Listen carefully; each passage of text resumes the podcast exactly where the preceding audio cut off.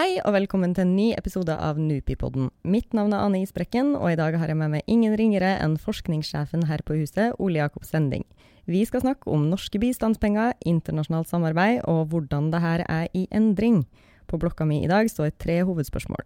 Hva skjer med samarbeidet i organisasjonene når maktforholdene og pengestrømmene endrer seg? Hva skjer med internasjonale organisasjoner når de bruker en masse konsulenter? Og sist, men ikke minst, hva er Norges rolle i de her internasjonale organisasjonene, og hvordan kan endringene påvirke oss? Aller først så tror jeg vi må få en liten begrepsavklaring. Hva snakker vi egentlig om når vi snakker om de her organisasjonene, Ole Jakob? Ja, da snakker vi om organisasjoner der stater er medlemmer. Mm. Eh, Røde Kors f.eks., det er en frivillig organisasjon. Mens FN det er en internasjonal organisasjon, for der er det bare stater som er medlemmer. Hva er det som er de største og viktigste internasjonale organisasjonene vi har, da? De største og viktigste er organisasjoner som FN, Verdensbanken, eh, Det internasjonale valutafondet, IMF, Nato, som vi kjenner godt. Mm. Um, det er nok de aller viktigste. Og da snakker vi altså om internasjonale organisasjoner med stater som medlemsland. OK. Mannen i gata her til lands tenker kanskje ikke så mye på Norges rolle og interesser i sånn her internasjonalt samarbeid i hverdagen. Men nå i juni kom det en stortingsmelding om nettopp det her, og det er ikke så vanskelig å skjønne at politikerne er opptatt av de tingene, fordi ifølge statistikk fra Norad ga vi i fjor over 19 milliarder kroner til internasjonale organisasjoner i bistandspenger. Hva er det egentlig som skjer med de her pengene? Norge, på lik linje med andre land, gir penger til disse organisasjonene for at de skal gjøre forskjellige ting som eh, statene har blitt enige om er i mandatet til disse organisasjonene. F.eks. Unicef, som er en del av FN. De gir penger og har prosjekter for barn og unge, skole, helse osv. Eh, og da er det sånn at Norge gir penger til f.eks. Unicef. Og så eh, har FN, eller da Unicef, masse prosjekter i konkrete land. Bygge en skole, eh, utdanne lærere, eh, et helseprosjekt f.eks. Og så ruller de det ut sammen med eh, ofte statlige myndigheter i det landet. Um, i, i, da ulike regioner. Altså Er det mange penger som på en måte forsvinner i det store byråkratiet og og sånn, eller? Ja, det, det, der er en sånn kjempestor uh, diskusjon som uh, Norge og andre land har hatt i hvert fall 20 år, og det er uh, er det mye sløsing i FN-byråkratiet f.eks.? Og de siste 10-15 åra har du sett at veldig mange land, særlig England og en del andre, de er blitt mer og mer opptatt av å få det de kaller mer value for money, ut av internasjonale organisasjoner. Så de har noen sånne surveys, hvor de gir terningkast uh, til ulike organisasjoner om de mener at de faktisk leverer bra på det de sier at de skal gjøre. Og hvis de leverer dårlig, så gjør britene det sånn at de gir litt mindre penger hvis de ikke er fornøyd med innsatsen. Det høres jo for så vidt lurt ut uh, sånn på papiret, men uh, kan det ha noe nedsida å gjøre det sånn også? Både ja og nei. Jeg tror i veldig mange tilfeller, i hvert fall fra Norges side, så har man også sånne vurderinger av syns vi denne organisasjonen er effektiv og gjør den bra arbeid, ja og nei. Men det er ikke alltid at uh, den vurderingen av hvorvidt de gjør det bra eller dårlig, uh, får konsekvenser for allokeringen av penger. Og det har delvis å gjøre med at Norge har jo en uh, som prinsipp at man skal gi ca. 1 um, til bistand. Det er 6-37 milliarder ja. eller noe sånt i år. Ok. Så har norsk økonomi vokst over tid, som betyr at den 1 blir større og større. Samtidig er forvaltningen i Utenriksdepartementet og i Norad, som forvalter mye av bistandsmidlene, den er ganske konstant. Så det er færre mennesker, eller like mange mennesker, som skal forvalte veldig mye mer penger.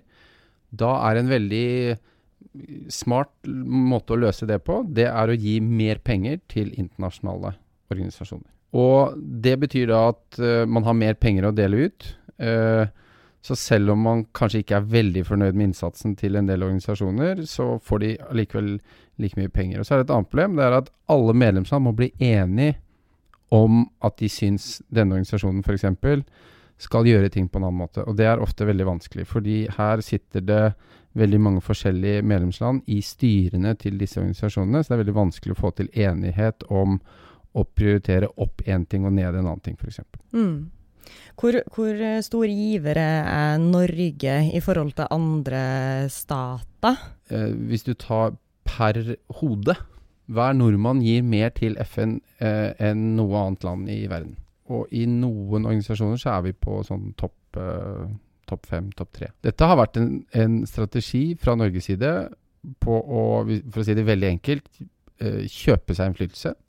Eh, som gir mening. Norge er helt avhengig av internasjonale organisasjoner for å fremme internasjonale regler og normer. I disse internasjonale organisasjonene gjør også mye for fattigdomsreduksjon, helseutdanning i fattige land, som man mener er viktig. Og det å kanalisere de pengene gjennom internasjonale organisasjoner gjør at Norge får større innflytelse der enn vi ellers ville ha hatt. Så det er nok en ganske effektiv måte på å få politisk innflytelse eh, internasjonalt. Du, du, var jo litt inn på det, men, eh, men, jeg spør likevel. Kan vi stole på at pengene vi gir, blir brukt på best mulig måte? Jeg tror ikke det er eh, så stor grunn til bekymring at det er eh, utstrakt korrupsjon eh, i internasjonale organisasjoner, men det er utvilsomt eh, ineffektivt byråkrati. Eh, det er ofte manglende prioriteringer det er veldig vanskelig å få til reform i mange av disse organisasjonene. Mm. Sånn som FN, f.eks. FN-organisasjoner, men, men, også andre. Altså FN er en sånn veldig stor familie av uh, ulike organisasjoner. Noen av de er veldig uh, mye mer effektive. Sånn som Unicef bl.a. har uh, De scorer ganske høyt på sånne vurderinger både fra land som Norge som gir penger til disse organisasjonene, og fra de landene som mottar penger fra mm. Unicef.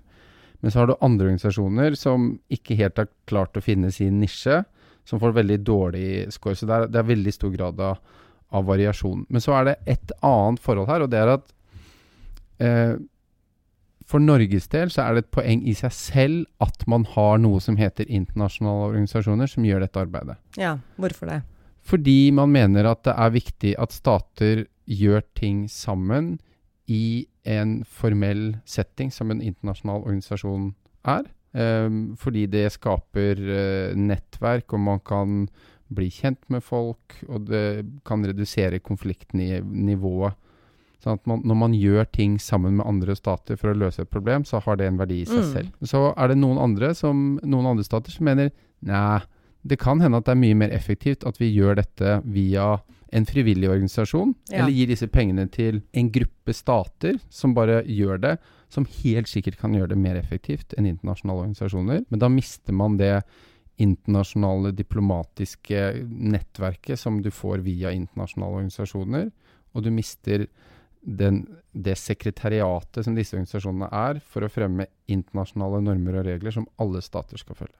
Vi snakka jo innledningsvis om at uh, det har kommet en ny stortingsmelding ja. om sånne internasjonale organisasjoner. Hvorfor uh, har egentlig politikerne valgt å komme med en sånn nå? Det er nok først og fremst fordi uh, det drar seg til i internasjonal politikk om dagen. Det har vi sett. Det er høyere grad av usikkerhet og uenighet mellom selv nære allierte. Mm. Um, Tenker du på USA også? Jeg tenker på USA. Jeg tenker også på konkurransen mellom USA og Kina. Eh, jeg tenker på autoritære ledere også i Europa. Det kombinert med en erkjennelse, tror jeg, av at eh, Norge er altså så avhengig av og har tjent så godt på det internasjonale regelverket som disse organisasjonene har bygget opp etter andre verdenskrig. Og, se, og man ser at hvis de organisasjonene kommer under press, og internasjonalt samarbeid kommer under press, så er det ekstra viktig for Norge å investere i disse organisasjonene for å styrke internasjonalt samarbeid. Mm. Jeg regner med at du har fått med deg hovedinnholdet i eh, meldinga. Er, er, det en god stortingsmelding? Ja, ganske god, vil jeg ja. si. Det er mange ting som uh, de, mener jeg, med fordel burde ha skrevet uh, mer om, som de ikke gjør. Men det de det de beskriver, f.eks. Uh, maktskifte i verden, eh, fremvekst av kritikk av globalisering som et problem som internasjonale organisasjoner må hjelpe til å håndtere, manglende effektivitet og representativitet i disse organisasjonene, det syns jeg er god beskrivelse. De tiltakene eller strategiene som de legger opp til, er jeg ikke helt sikker på at vil være effektive for å håndtere de problemene meldinga beskriver. Altså En av de tiltakene eller strategiene som beskrives, er øke handlingsrommet og søke nye partnerskap. Det er uh, vel og bra, men jeg kan ikke helt se hvordan det i seg selv skal styrke Norges evne til å øve innflytelse via internasjonale organisasjoner. Og det er såpass store endringer i mange av disse organisasjonene som meldinga ikke beskriver, som handler om at de blir uthulet fordi de ikke får like mye bidrag til det de faktisk skal gjøre. Pluss at disse organisasjonene nå møter masse konkurranse fra andre typer aktører enn internasjonale organisasjoner. Både private selskaper, frivillige organisasjoner og nettverk av stater som bestemmer seg for å gjøre ting sammen. Som Norge har gjort i mange andre sammenhenger på andre saksfelt, men du ser det på mange saksfelt, så har du andre konstellasjoner enn internasjonale organisasjoner, som er de som driver agendaen fremover. Det bringer meg egentlig over til neste spørsmål. Da. Eh, hvem er det egentlig som bestemmer i, eh, i de internasjonale organisasjonene, og hvordan avgjøres hvor pengene som de ulike landene gir, skal brukes? Altså penger Norge gir, penger som Russland gir, osv. Der er det uh, tre forskjellige ting. Til noen organisasjoner, sånn som den delen av FN som har ansvaret for fredsbevarende operasjoner, der har statene blitt enige om at alle skal gi en viss prosentandel. Og så bestemmer da FN-sekretariatet, som håndterer fredsoperasjoner, eh, hvordan disse skal brukes. Og så har du eh, sånne organisasjoner som UNDP, UNICEF, Verdens helseorganisasjon og mange andre, hvor du har det som heter kjernebidrag, som stater betaler inn kjernebidrag, da bestemmer organisasjonen selv hvordan disse skal brukes. Men så har du noe som har økt noe vanvittig de siste 10-15 årene. Det er frivillige bidrag. Disse frivillige bidragene er det de statene som gir pengene, som i mye større grad bestemmer hvordan de skal brukes. Og det betyr at for å ta et uh, eksempel fra Norge. Hvis en rik familie gir veldig mye penger til Helsedepartementet og sier disse pengene skal brukes til å støtte forskning på eller behandling av én type sykdom, så ville vi tenkt det er ikke greit. Sånn er det i de fleste internasjonale organisasjoner, hvor de største landene, eller de som gir mest penger, eller frivillige bidrag, da kan de si at disse er øremerket enten til det landet eller til noen saker som de er spesielt opptatt av. Og Det betyr at disse internasjonale organisasjonene da er ikke så offentlige som vi liker å tro at de er. Offentlige institusjoner skal jo ta vare på helheten, de universelle aspektene. Jo mer du får frivillige bidrag som er øremerket, så er det noen stater som i mye større grad bestemmer akkurat hva disse organisasjonene skal gjøre. Som betyr at disse organisasjonene i mye større grad blir verktøy for visse stater og fremmer visse agendaer. Er det noen spesielle stater du har i tankene da? Altså Vestlige land har, er de som har gjort dette mest. I de aller fleste internasjonale organisasjoner så har det vært slik, siden de ble etablert etter andre verdenskrig, at med USA i spissen og USAs allierte, som har hatt mest penger, og som har investert mest i disse organisasjonene, så er det de som har hatt foten på gassen og hånden på rattet. Og så har Russland og Kina, som også sitter i Sikkerhetsrådet, trykket på bremsen når de har følt at liksom, deres kjerneinteresser er i spill. Men det betyr at alle disse organisasjonene, veksten i både penger og hva de skal gjøre, hva som har vært på agendaen, har vært definert i veldig, veldig stor grad av vestlige land. Og så er det mange fattige land som også har hatt en veldig viktig rolle, som også har spilt inn i hva man skal gjøre, og hvordan de skal bruke pengene og sånn. Men det store bildet er at vestlige land har dominert. Men nå ser vi en utvikling hvor særlig Kina begynner å investere mye mer i internasjonale organisasjoner. Og de bruker akkurat samme strategi som vestlige land har gjort siden eh, 1945, da disse organisasjonene ble etablert. Så vi kan forvente å se at Kina investerer mer i organisasjonene, nettopp fordi de vil også ha en hånd på rattet.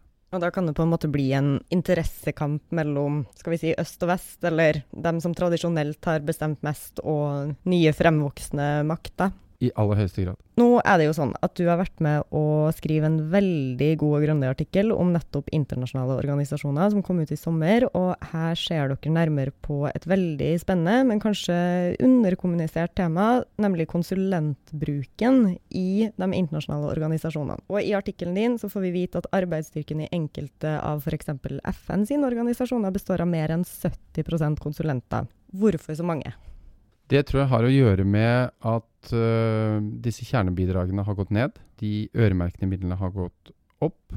Det er uh, sånn stopp i ansettelser, men så har de prosjekter som de må gjennomføre, og da må de bruke konsulenter. Det er en sånn veldig eh, enkel forklaring på hvorfor det sannsynligvis har, har, blitt slik. Det interessante med det er at det er jo ikke noe galt i seg selv at man hyrer inn konsulenter for å, for å gjøre ting. Men det det betyr, er at de som har kompetanse og ekspertise til å gjøre ting, er ikke nødvendigvis de som er fast ansatt i, de, i disse organisasjonene. Det er snarere disse konsulentene som jobber for både internasjonale organisasjoner, forskjellige av dem, for private selskaper og for frivillige organisasjoner. Det betyr at ekspertisen og erfaringen og kunnskapen ikke nødvendigvis ligger i disse internasjonale organisasjonene, men i nettverk av konsulenter som flyter rundt og jobber på mange forskjellige prosjekter. Og det betyr for Norges del knyttet i veldig stor grad til dette med endringer i hvordan disse organisasjonene er finansiert. At når vi putter mange penger inn i, dette, i disse organisasjonene for å fremme norske interesser og internasjonale regler og normer og sånn, så er det ikke gitt at de organisasjonene har den samme rollen som de har hatt historisk i å være bærere av å fronte disse reglene og, og normene. Fordi det er nå så mye aktivitet som også skjer på utsiden av internasjonale organisasjoner. Nye initiativ. Eh, disse private aktørene de kan jo ikke lage regler for hva stater skal gjøre.